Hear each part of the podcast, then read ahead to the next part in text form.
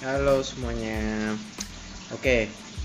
Kemarin-kemarin kita udah banyak bahas banget ya tentang strategi bagaimana penggunaan influencer segala macam gitu ya. Nah, untuk kali ini tuh gue tiba-tiba kepikiran sih untuk ngebahas kayak bagaimana sih kita membuat report yang benar-benar ya komprehensif dan benar-benar impactful to our boss ataupun juga ke viewers ataupun yang pendengar dari yang membaca report kita gitu ya.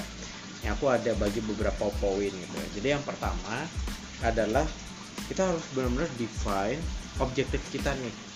Yang pertama adalah kita mendefine objektif kita kayak uh, yang kita lakuin di campaign tersebut itu atau kegiatan tersebut itu apa tujuannya apa goalnya kita tuh apa kayak gitu jadi pada saat orang membaca report yang pertama tuh dia udah jelas gitu loh objektif yang kita akan lakuin gitu tuh di report tersebut itu untuk apa kayak gitu. Jadi karena mungkin banyak banget yang orang yang mendengarkan report kita antara lupa atau bos kita lupa ataupun manajemen lupa gitu ya. Jadi kita harus remind dengan objektifnya dahulu kayak gitu. Kemudian yang kedua adalah bagaimana tuh kita mengexplain ataupun overview tentang kegiatan apa yang sudah dilakukan sepanjang campaign itu tersebut kayak gitu. Mungkin kita bisa buat satu slide aja kayak overview singkat aja secara helikopter view agar uh, para pemendengar report kita itu tuh tahu gitu loh ya apa sih yang kita lakuin uh, secara 360 di dalam report tersebut kayak gitu. Sehingga menghasilkan uh, data ataupun impact di dalam report tersebut gitu. Jadi mereka dapat gambaran secara helicopter view nah kemudian yang ketiga baru kita um, memberikan data yaitu target versus achievement.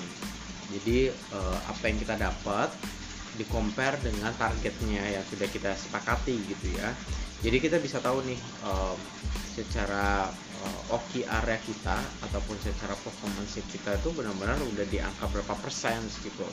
Apakah uh, below 100% ataupun di atas 100% seperti itu kemudian poin selanjutnya adalah kalau misalnya ini memungkinkan sebaiknya kita membandingkan data-data tersebut ataupun atribut data tersebut dengan campaign sebelumnya. Tapi yang jelas campaign ini dengan campaign yang relevan gitu ya. Sebagai contoh misalnya ini campaign Ramadan gitu yang kita mau uh, buatkan report nah itu mungkin kita bisa compare dengan campaign Ramadan uh, di tahun-tahun lalu gitu ya. Jadi kita bisa tahu nih secara report ataupun impact itu apakah ada kenaikan atau tidak gitu. Jadi secara compare dengan target kita juga compare dengan campaign-campaign sebelumnya atau campaign yang relevan gitu ya. Jadi benar-benar angka yang kita punya tuh lebih strong lagi gitu. Nah, poin selanjutnya lebih bagus adalah kalau kita punya data-data kompetitor.